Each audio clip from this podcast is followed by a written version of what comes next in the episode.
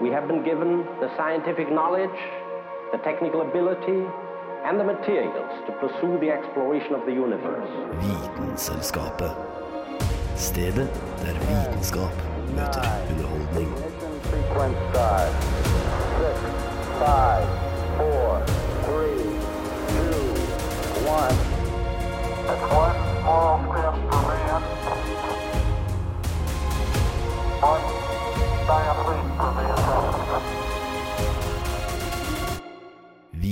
Vitenselskapet. På Radio Nova. I dagens episode av Vitenselskapet så nøyer vi oss ikke bare med andre- eller tredjeplassen. Vi går nemlig for aller første, altså det som er størst i verden. Eller ikke bare i verden, for så vidt. Alt som er stort. Altså Det er jo mye som kan være stort, til og med ting som er smått, kan jo være stort. Jeg prøvde å finne største insekt, men jeg tenkte det kanskje ikke var like interessant. Men du har jo hatt sånne svære insekter som levde på jorden før i tiden, da, når uh, atmosfæren var litt annerledes uh, opp. Ja, og var litt, litt mer oksygen. Da, da var det litt større dyr ute og, ute og går. Og insekter, for den saks skyld. Så jeg er glad vi ikke bor Altså lever i den tiden, egentlig. For jeg syns de insektene vi har nå, er ille nok. Ja, noen av de er eh, Selv om de er små, så kan de fortsatt være litt for store for eh, min del. Men ja, eh, jeg heter Julianne Li Fjell, skal lede deg gjennom denne store sendingen vi har. Og med meg i studio Kristoffer Ramage.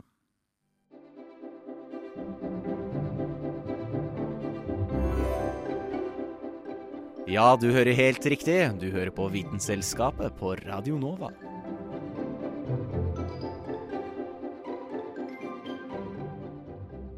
Vi kan starte med noe veldig stort blant oss, nemlig verdens største menneske noensinne. 22. februar 1918 fødes Robert Wedlow. 51 cm lang, 3,8 kilo, 10 fingre og 10 tær. Et velskapt, friskt barn. Noe alle foreldre ønsker seg. Det sover, spiser, bæsjer, gråter og vokser for hver dag som går. Som alle andre babyer. Et halvt år etter er han dobbelt så tung som gjennomsnittet. Og han ligner mer på en toåring. Ja ja, kanskje han spiser litt mye. På ettårsdagen var han over én meter. Like stor som en femåring. Ja ja, han vokser vel bare litt fort. Det går vel bra. Det stopper vel opp en gang. Som åtteåring var han høyere enn sin far. Og han endte opp med å bli verdens høyeste mann noensinne. Hele 2,72 meter og 199 kilo. Men hvordan er dette her mulig? Hjernen vår så har vi mange forskjellige områder med celler som styrer forskjellige ting i kroppen vår. Enten det å gå eller snakke, som man kan bestemme selv, eller det å puste, som bare skjer automatisk. Uansett hvilken funksjon det er snakk om, kan du nesten banne på at hjernen har en finger med i spillet. Dette gjelder også for vekst. Cirka midt inni hjernen vår ligger en liten kjertel kalt hypofysen. Denne lille saken skal ha mye kred for at du ser ganske så normal ut. Hypofysen produserer nemlig mange forskjellige typer hormoner, sender det ut i blodet og påvirker de organene til å gjøre det en har fått beskjed om. Den produserer og slipper ut bl.a. prolaktin hos gravide kvinner, som stimulerer brystene til å produsere melk. Men tilbake til Robert, han som var så utrolig høy. Et av disse hormonene hypofysen produserer, er nemlig veksthormon.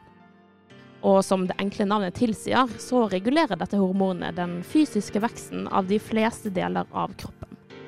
Som du kanskje kan tenke deg, er det størst utskillelse av dette hormonet rundt i puberteten. Deretter så går produksjonen gradvis ned med alderen. Dette gir jo veldig mening, da vi vokser mest i pubertetsårene. Men for vår høye venn Robert så gikk aldri denne produksjonen gradvis ned. Den gikk heller aldri gradvis opp.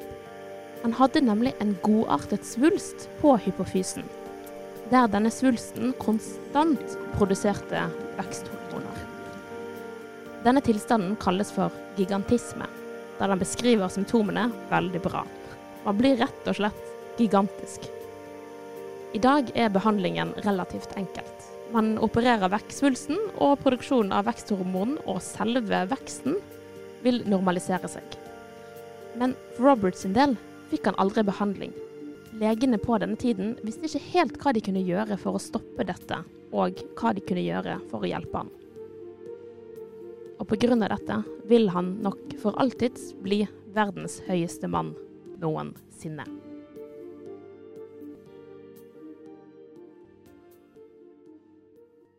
Robert måtte store deler av livet sitt gå med leggskinner og stokk som hjelpemiddel til å gå pga. sin ekstreme høyde. Han døde bare 22 år gammel av en infeksjon i benet etter at han hadde brukket ankelen.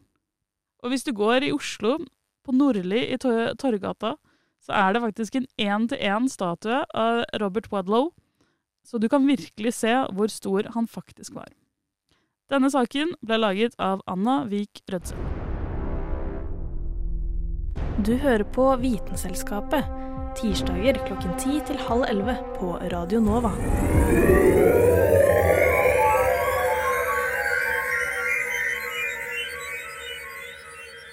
Og fra et uh, uskyldig menneske, kan du si, skal vi over til noe litt mindre uskyldig, Kristoffer. Ja, altså vi mennesker har lagd ganske mye rare ting opp igjennom, eh, og noen farlige ting. Og kanskje det farligste tingen vi har lagd, er vel atomvåpen, eh, vil jeg si. I hvert fall én av de farligste. Eh, og det er også den største bomben eh, vi har laget eh, noensinne. Eh, Eller bomben ned. Bomben ned. Det er flere. eh, og det er flere typer også. Eh, så primært sett så har vi da vi, Altså, vi, man tenker gjerne at atombombe er atombombe, eh, men det er ikke sånn at alle atombomber er lagd like. Eh, så Hva er forskjellen på det? ja, altså, så nummer én så har du da eh, fisjon og fusjon. Eh, som de som liker vitenskap, vet sikkert hva forskjellen mellom de to er, men den ene er basically spalting av eh, uran og plutonium. Eh, så det er de to typ brennstoffene de bruker i fisjonsbomber. Eh, og så er det da fusjon, hvor det da er splitting eh, av eh, Nei, hvor det da er eh, sammensmelting av atomer. Så litt sånn det samme som skjer i sola. Ja, så en er liksom deling, og den andre er at de kommer sammen. Ja. så fisjon og fusjon. Og eh, i fusjonsbomber så bruker de en fisjonsbombe for å kickstarte fusjonsbomben. Så for å kunne lage eller bruke en fusjonsbombe, så må du først ha en fisjonsbombe. Fordi at du trenger å generere noe sånn som 50 millioner grader celsius for å da kickstarte, fordi det er også kalt en sånn eh, termonukleær eh, reaksjon, som da basically er veldig varmt, masse energi. Eh, og litt sånn som sola også, eh, og stjerner generelt. Eh, For det som skjer måte, både i fusjon og fisjon, hvis jeg skjønner det riktig, er vel at det at man endrer sånn at man enten måte, deler noe opp eller legger det sammen, det i seg selv eh, skaper energi. Ja. Ja, ja, riktig. Så ikke bare litt energi, veldig, veldig, veldig store mengder med energi også. Eh, og så med fusjonen av fusjonsbomber har mye større eh, kapasitet eh, i forhold til sprengkraft. Og sprengkraft det måler vi gjerne i eh, antall TNT, da, for det er ganske enkelt standardmål å bruke. Eh, basically én TNT er jo en kubbe med dynamitt, eller en kilo da, med dynamitt. Eh, så fisjonsbomber blir ofte målt i kilotonn, så typ 1000 tonn. Eh, det er jo ganske mye. Eh, men eh, fusjonsbomber derimot kan komme opp i megatonn, så millionervis av tonn. Det er liksom så mye at man ikke klarer å forestille det seg det Ja, det er det, det er det jeg tenkte å liksom gå litt igjennom. Altså Hvis du tar Trinity-testen Mange har jo sett uh, Oppenheimer-filmen. Uh, og der gjør du da Trinity-testen en, eh, for å teste den første bomben. Og den hadde en eh, sprengkraft på rundt eh, 25 000 kilotonn. Hva var den testen for de som ikke har sett filmen i så fall? Første atomsprengningen noensinne. Eh, så ja. Eh, og det er ganske mye. 25 000 kilotonn er ganske sjukt. Eh, Ja. ja. Og påfølgende da, etter det, fordi tanken var jo ikke bare å teste ut dette her, tanken var å lage atombomber eh, for å så da eventuelt bruke det, da. Og det gjorde de jo også. De brukte det jo på Japan eh, for å typ skremme de eh, til å, å gi opp, eh, essensielt sett. Og da var det to bomber, Little Boy, og så var det Fat Man. Eh, to veldig søte navn på to ganske fryktinngytende ting. Eh, og det som er litt sånn rart, er det at Little Boy var da den minste, hadde 15 kilotonn eh, med sprengkraft. Drepte vel sånn totalt sett rundt 140 000 mennesker. Ja, ganske Ja. mange. Eh, og ødela 80-90 av eh, Hiroshima. Men Fatman derimot hadde større sprengkraft, men drepte kun eh, 40 000. Eh, så ja, så 100 000 mindre, men hadde da en mye større, for det er 21 kilotonn med, med kraft, liksom. Så, og grunnen til det er nok mest sannsynlig geografien til byene. Eh, fordi Nagasaki lå i en uh, dal uh, som da en, ja, gjorde at sprengkraften ble ikke så stor, eh, mens Hiroshima var på flatmark, for det ligger ved en elv. Det har jo det har veldig mye å si hvordan det kan spre seg, ser jeg for meg. Og hvor Altså om man treffer en liten landsby, så er det jo liksom ikke like mye mulighet heller. Nei, Men eh, også bare Ja, man kan Det kan renne litt ned i havet, og ja, Ja, ja, og det, hva som skjer. det, så det var, det var ganske, ganske kraftig, kraftige saker. Og altså, japanerne som egentlig var villige til at hele landet skulle brenne, de ga jo ganske fort opp. Så det skjønner jeg jo, eh, med tanke på hva, hva de var vitne til. Eh, men hvis du, hvis du syns det er stort, da, så kan du tenke deg et tsarbomba, som er den største bomben noensinne sprengt. Eh, og det er da en, eh, en heliumsbombe, eller altså en, en fusjonsbombe, eh, som da har altså brennstoffer, da, dityrium og, og tritium, som er to eh, isotoper av, av hydrogen. Men den har da 50 megatonn med sprengkraft, så 50 millioner tonn TNT. Lysglimtet fra bomben kunne observeres over 1000 km unna, bl.a. i Norge, Grønland osv. Ja. Eh, soppskyen nådde da en høyde på 67 km og en maksimal diameter på 95 km. Så omtrent herfra til Kongsvinger eller noe. Eh, og eksplosjonsbølgen og en seismisk bølge eh, som følge av eks- eksplosjonen sirklet jorda tre ganger. Det, det, ja, så da, da snakker vi kraft. Det, det er i hvert fall noe man kan kalle for stort.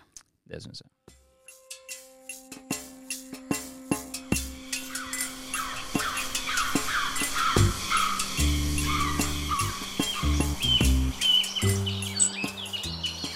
Du hører på Vitenselskapet på Radio Nova.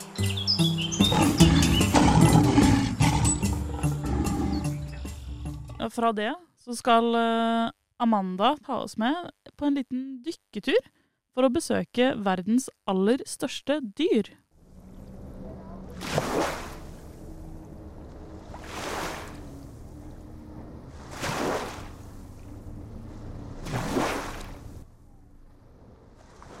Vi tar på oss oksygentanken og svømmer ned i havgapet. Hvilket hav vi befinner oss i, er ikke så nøye, for dyret vi skal besøke, lever nemlig i alle jordas hav, for utenom Nordishavet. Og det har den gjort de siste 34 millionene årene. Dette dyret har svømt side om side med dinosaurene, overlevd istid, men vil det overleve menneskeheten? Vi skal selvfølgelig besøke blåhvalen. En fullvoksen blåhval kan bli hele 32 meter lang. Det er nesten like lang som en Oslo-trikk. Og den kan veie opptil 200 tonn. Bare tunga til en blåhval kan veie like mye som en asiatisk elefant. Det som gjør det mulig for hvalen å vokse seg så stor, er nettopp at den lever i havet. Havet gir mer areal for å vokse, Og den eliminerer også den største faktoren som gjør at landdyr ikke kan nå den samme størrelsen, nemlig tyngdekraften. Tyngdekraften minsker størrelsen til landdyr etter hva skjelettet deres kan tåle å bære. Men oppdriften i havet, det som gjør at man flyter eller stiger til værs, gjør at blåhvalen og andre marinedyr slipper å forholde seg til tyngdekraften på samme måte som landdyr. Det gjør at blåhvalen kan nå den gigantiske størrelsen uten at skjelettet trenger å bære hele vekta av dyret.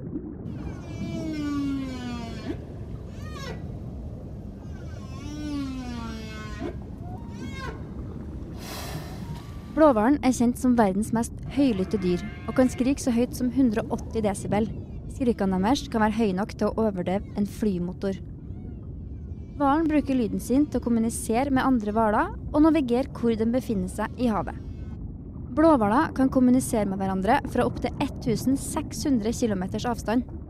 Det er det samme som om vi skulle ha ropt fra Oslo og helt til Kautokeino.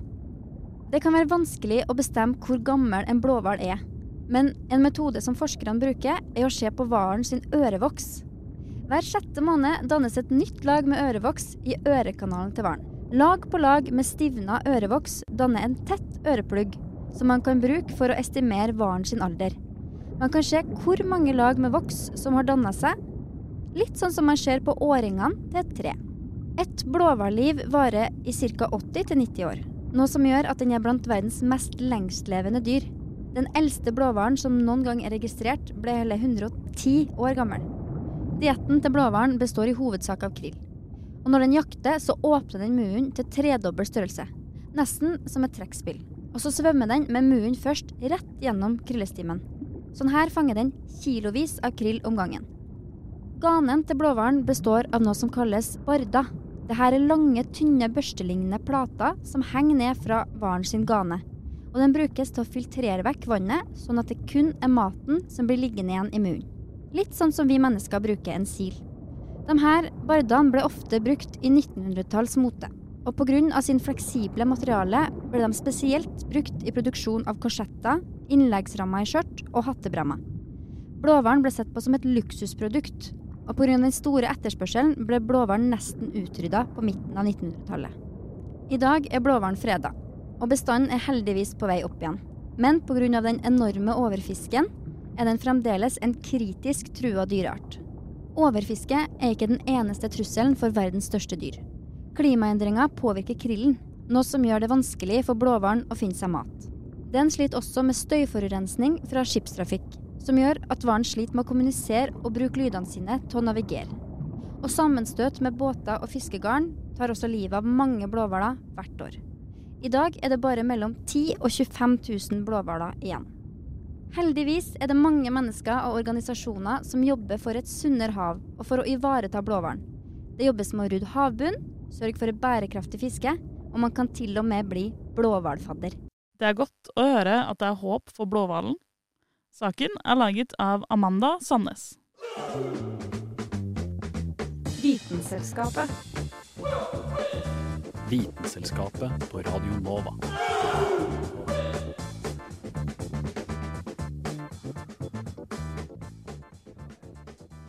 Selv om blåhvalen er det største dyret vi har på, eh, på jorden, så har vi jo større ting også enn dyr, for så vidt. Ja, det, det, har vi, det har vi. Vi har trær, blant annet, som er veldig store. Vi har trær. De har trær. kan bli veldig høye, men vi har ting som blir enda høyere enn det også. Mm. Nemlig fjell, som uh, står uh, meg nært uh, til hjertet, kan du si, på flere måter. Ja. Eh, men vet du noe om hvordan fjell oppstår?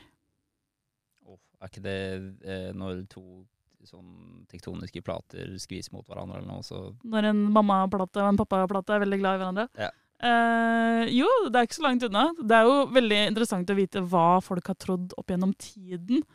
Eh, hva grunnen til eh, fjell oppsto? Fordi det har jo vært mye forskjellige teorier før man visste noe særlig om eh, plateteknikken.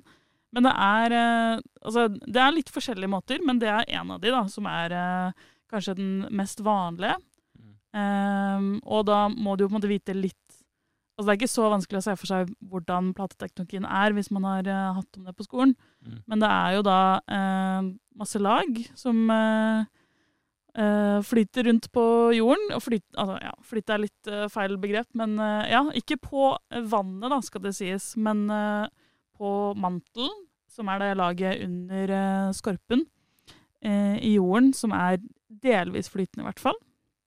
Og så har du jo for så vidt den ytre kjernen til jorden, som er helt flytende, som også er med på å eh, lage noen bevegelser, kan du si.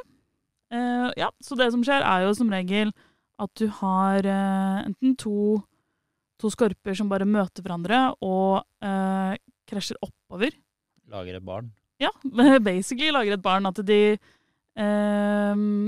Ja, som to hender som går og liksom Hvis du skal lage Hvis du lager et fjell med hendene dine, da, så blir det på en måte to plater som møtes og går oppover. Og det er noe av det som har skjedd for så vidt eh, over ehm, over Oslo-området, over Norge. Eh, disse fjellene som vi har her i dag, var en gang mye, mye høyere, eh, på høyde med eh, Himalaya. Men eh, så har det jo skjedd noen prosesser da, som også er med på å gjøre at eh, fjellene ikke kan være så høye lenger, nem nemlig erosjon. Eh, det, er jo, altså, det her er jo mange millioner år siden, så det skjer jo ikke over natta. Ellers er det noen som har vaska de på litt for hard temperatur, og så har de krympa. Det kan også det kan også hende. Det, ja, Det er min, det er min det var ull... eh, Vi har eh, ja. ullfjell. Ja, Ullfjell. Mm. Eh, Ellers så har du jo også fjell som på samme måte kan skje når en plate blir pressa ja, mest sannsynlig mot en annen, eller pressa sammen. Eh, hvor du kan tenke, tenke på det som eh, et teppe. Hvis du presser et teppe, og så får det sånne bulker, Mm. eh, så får du også, kan du også få fjell av det. Så liksom de bulker seg sånn i midten eller, av plata? Ja. Okay. Så det er jo ikke alltid fordi hvis det er to plater som, midt, eh, som møtes, så er det jo på yttersiden. Mm. Eh, men hvis det bulker seg, så er det jo et eller annet sted på midten. Da, da, da har jeg et spørsmål til deg. Jeg vet ikke om du kan svare på det. Skal prøve. Men fordi jeg tenker jo Altså, de platene flytter jo hele tiden på seg, og eh, disse fjellene oppstår videre, men de flatene, altså platene de flytter jo på seg. Til slutt så ender jeg opp med et sånn superkontinent igjen. Mm. Har alle de fjellene bare blir, blir de borte? Eller er det noen av de som blir borte, og noen av de som blir igjen, eller hvordan funker det? Eh, fra min eh, toårige studie eh, så langt vil jeg si at eh, det kommer litt an på hvor de er. Mm. Eh, fordi måten platene beveger på seg, er jo ikke direkte nødvendigvis at de eh, flyter som, et, eh, som en liksom, planke, for eksempel, da, på vannet. Så er det heller at de beveger seg fordi eh, du har det som kalles subduksjonssoner og rifter, altså steder hvor eh, plata blir borte, altså synker under en annen plate. Mm. Eh, og så rifter hvor det kommer eh, magma opp og lager nye plater. Så du ser midt mellom Amerika og Europa, så er det en stor rift som basically går langs ned hele eh, jorda, som da skyver disse to kontinentene fra hverandre, fordi det oppstår nye eh, Plater. Nye plater, ja. Eller ja, ny havbunn. Er det den der Ring of Fire, eller er det på andre siden? Eh, det tror jeg ikke er Ring of Fire. Nei, fordi den er stille, er stille av, vet jeg. i hvert Ja. Eh, mens på eh, hva blir det, vestsiden av Sør-Amerika eksempel, så er det en stor eh, subduksjonssone. Da blir den sugd ned eh, under den andre sonen, basically. Ehm, og blir holdt på å si borte. Men det blir jo ikke Så det var jo noe man trodde før, da.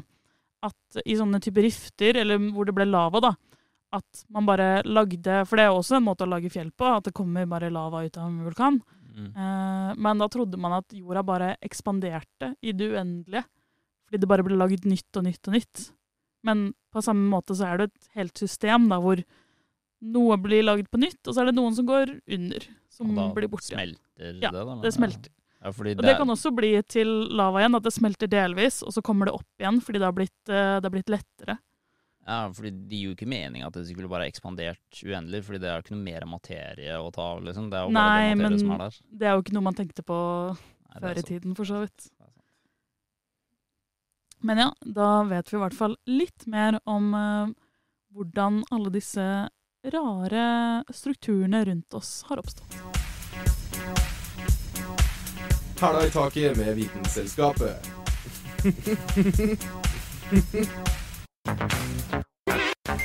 Hvis du blir litt svimmel av å tenke på uendelighet, bør du kanskje skippe de neste tre minuttene. Men hvis du lurer på hvorvidt universet er uendelig stort, så Hva bør du spisse seg utover ørene. grensene for vår fysiske virkelighet og vår intuitive forståelse? Jeg refererer her til uendelighet, et svimlende tema som har irritert forskerne helt siden vi begynte å studere stjernene. Men hva vet vi om uendelighet, annet enn at det er nesten ufattelig? Jo, det skal jeg forsøke å svare på nå. Aristoteles mente at uendeligheten eksisterer, men bare som en mulighet.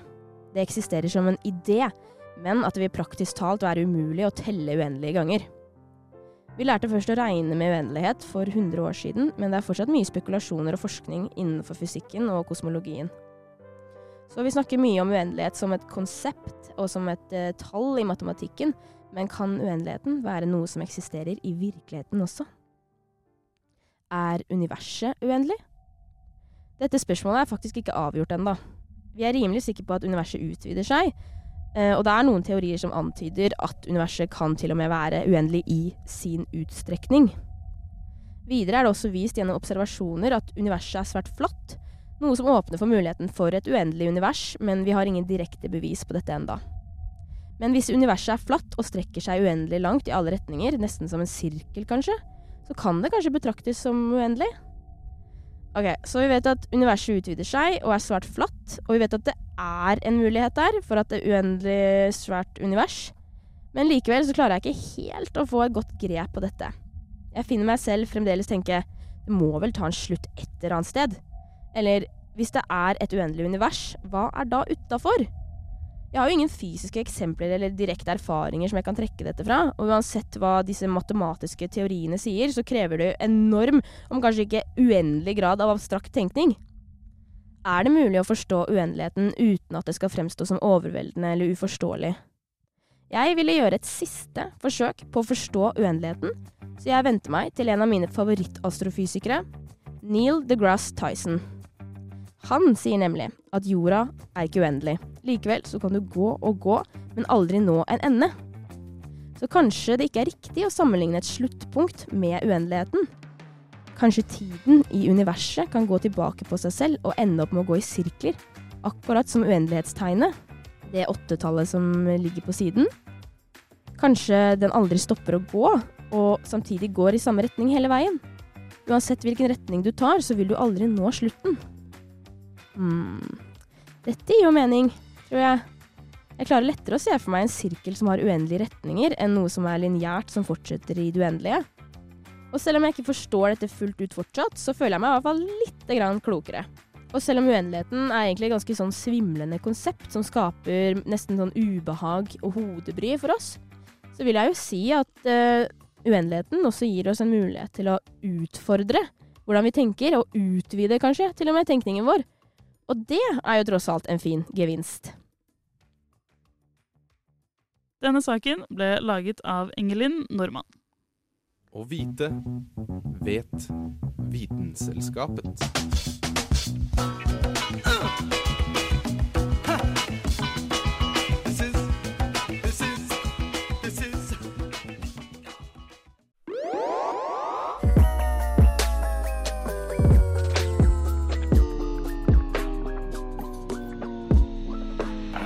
Vitenselskapet.